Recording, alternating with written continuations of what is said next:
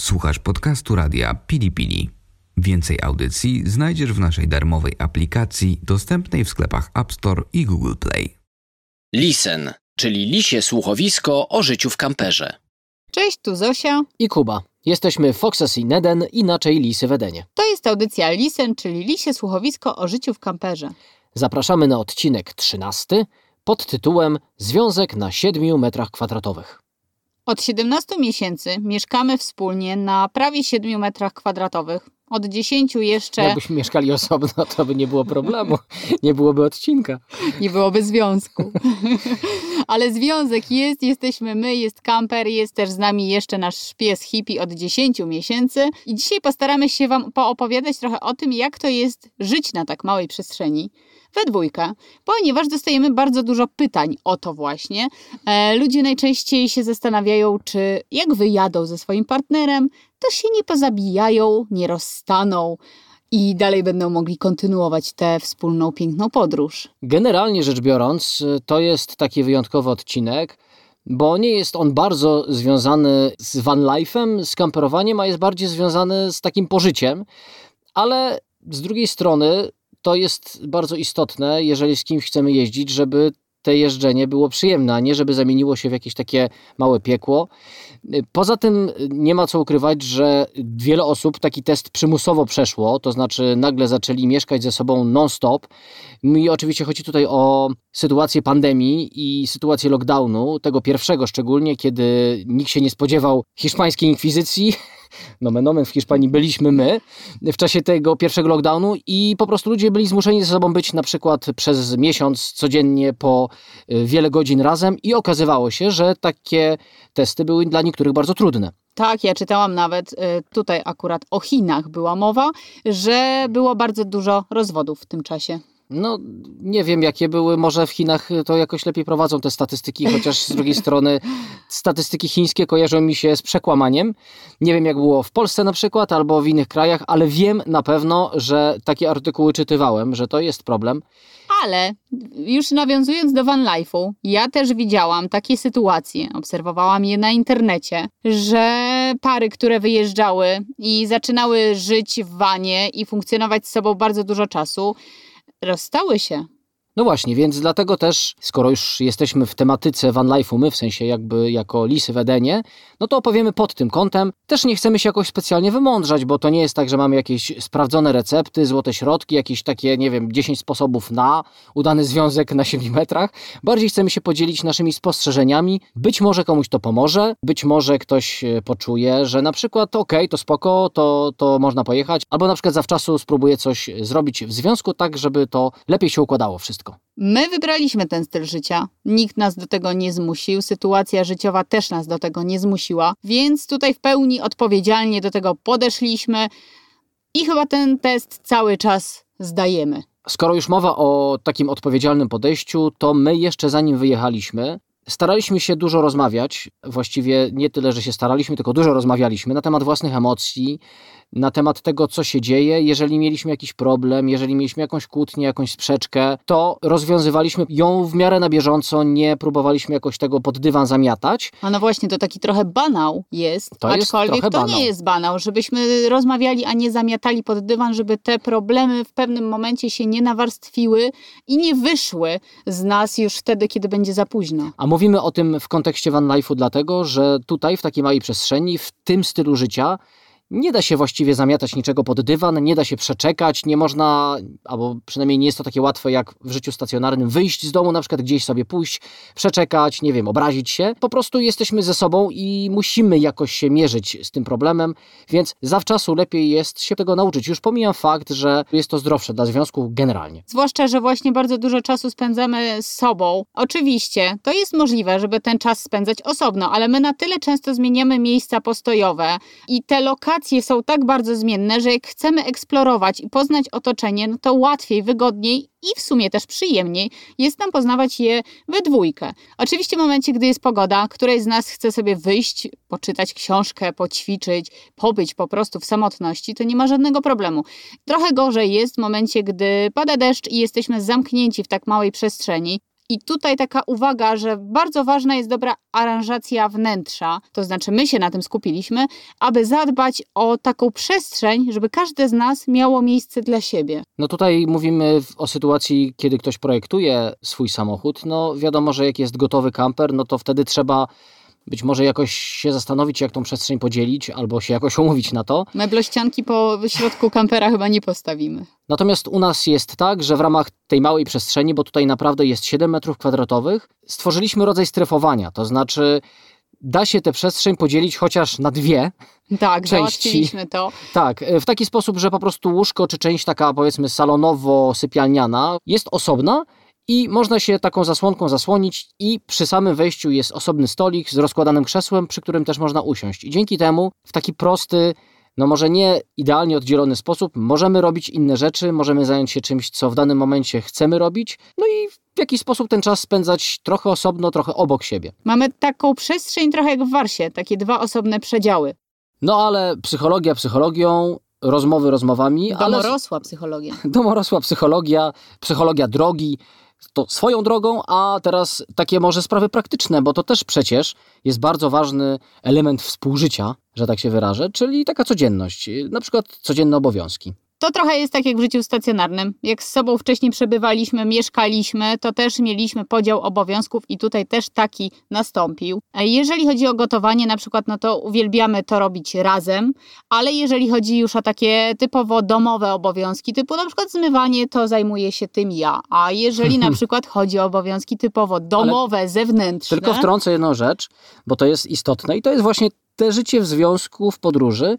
Zosia nienawidzi, jak rano są niezmyte naczynia zlewie, bo to ją wprawia w zły nastrój i zdarza się wtedy, że ja wstaję i specjalnie je zmywam, żeby jej było miło na przykład. Tak, wtedy mam e, dzień Zosi. Ja strasznie nie lubię, jak ty wstajesz, jesteś taka naburmożona, to trwa g- godzinę, aż dojdziesz do siebie i wtedy... Aż zostanie pozmywane w końcu, nawet Bo- jeżeli ja się tym zajmę. Taki sygnał, może ja źle myślę o, o tym, może to jest zawsze ten sam sygnał, ja sobie myślę, kurczę, to może pozmywam, a to jest sygnał, że powinien był to zrobić już. 17 miesięcy w drodze ja jeszcze nie wpadłam na to, żeby co wieczór zostawiać brudne naczynia. No dobrze, ale mów- dalej, bo się przerwałem. No dobrze, no jeżeli chodzi o obowiązki moje, to jest właśnie między innymi zmywanie i taki ogólny ogar kampera w środku bym powiedziała, ale jeżeli chodzi o zadbanie o kampera, o sprawy takie kamperowe właśnie, czyli toaleta, woda szara, woda czysta, no to to już jest działka bardziej Kuby, chociaż oczywiście razem jeździmy na kamper serwisy, no ciężko byłoby, żeby on nie zostawiał gdzieś na polu.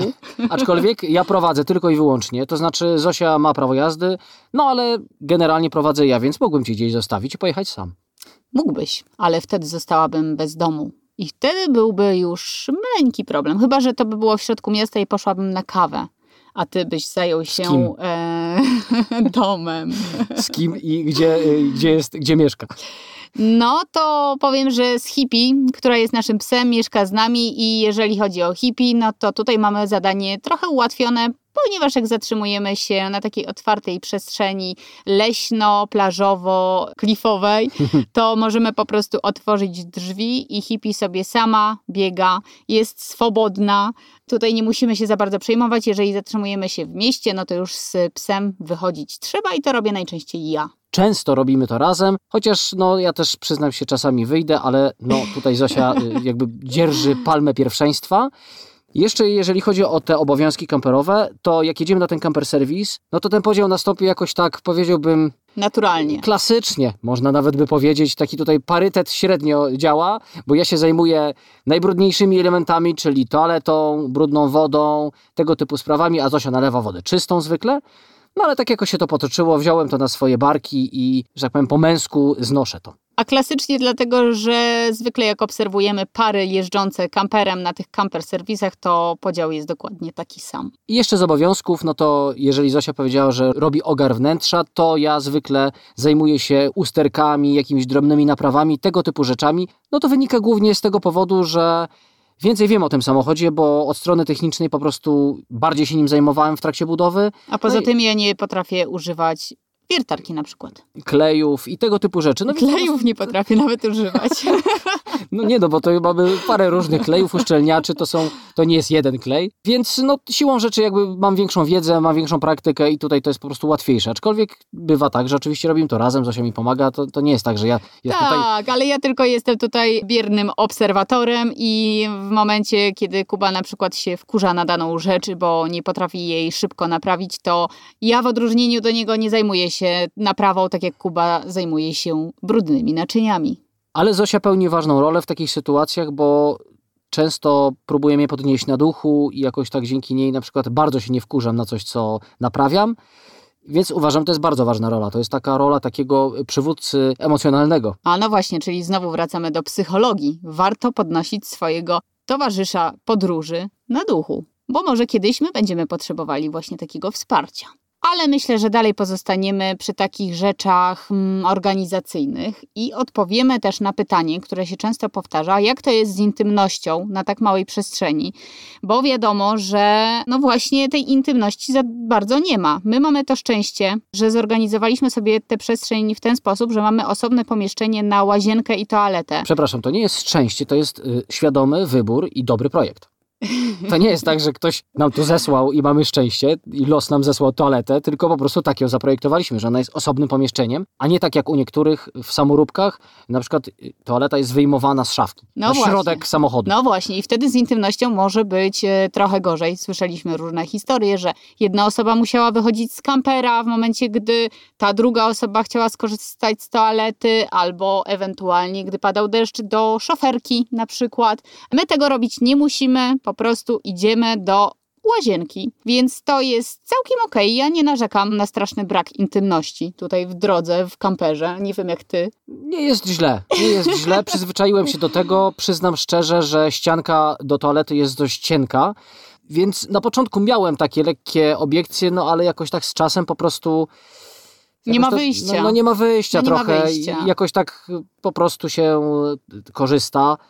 I tyle. No, nie, nie mam poczucia, że coś straciłem albo że coś straciliśmy wspólnie przez tego rodzaju układ tutaj wnętrzowo ściankowy. No nie, nie, raczej nie. Być może młode pary, mm, takie z miesięcznym, dwumiesięcznym stażem, by nie sprostały temu zadaniu, ale my już jakiś czas wcześniej z sobą byliśmy, więc i w zdrowiu, i w chorobie się sprawdziliśmy. Co nie znaczy, że jakoś tak e, strasznie oficjalnie podchodzimy do tego. Mamy swoją intymność, strzeżemy jej i jakoś to działa, wydaje mi się, w porządku.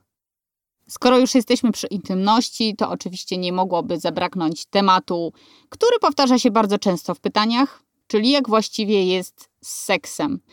W kamperze. My podróżujemy we dwójkę, nie mamy dzieci, więc w tych właśnie momentach no nie musimy wychodzić na zewnątrz. Od albo, tego jest seks, żeby były. E, albo starać się, by to dzieci wyszły na zewnątrz, więc tutaj mamy trochę łatwiej. Ale czy właściwie jest to zadanie jakoś strasznie utrudnione? Raczej nie. Przestrzeń jest mała, ale to może akurat pomagać, ponieważ tutaj musimy... W kreatywności. Właśnie tak, swoją Aha. wyobraźnię pobudzić i trochę może więcej fantazji się wtedy wkrada, trochę czujemy się jak na wakacjach.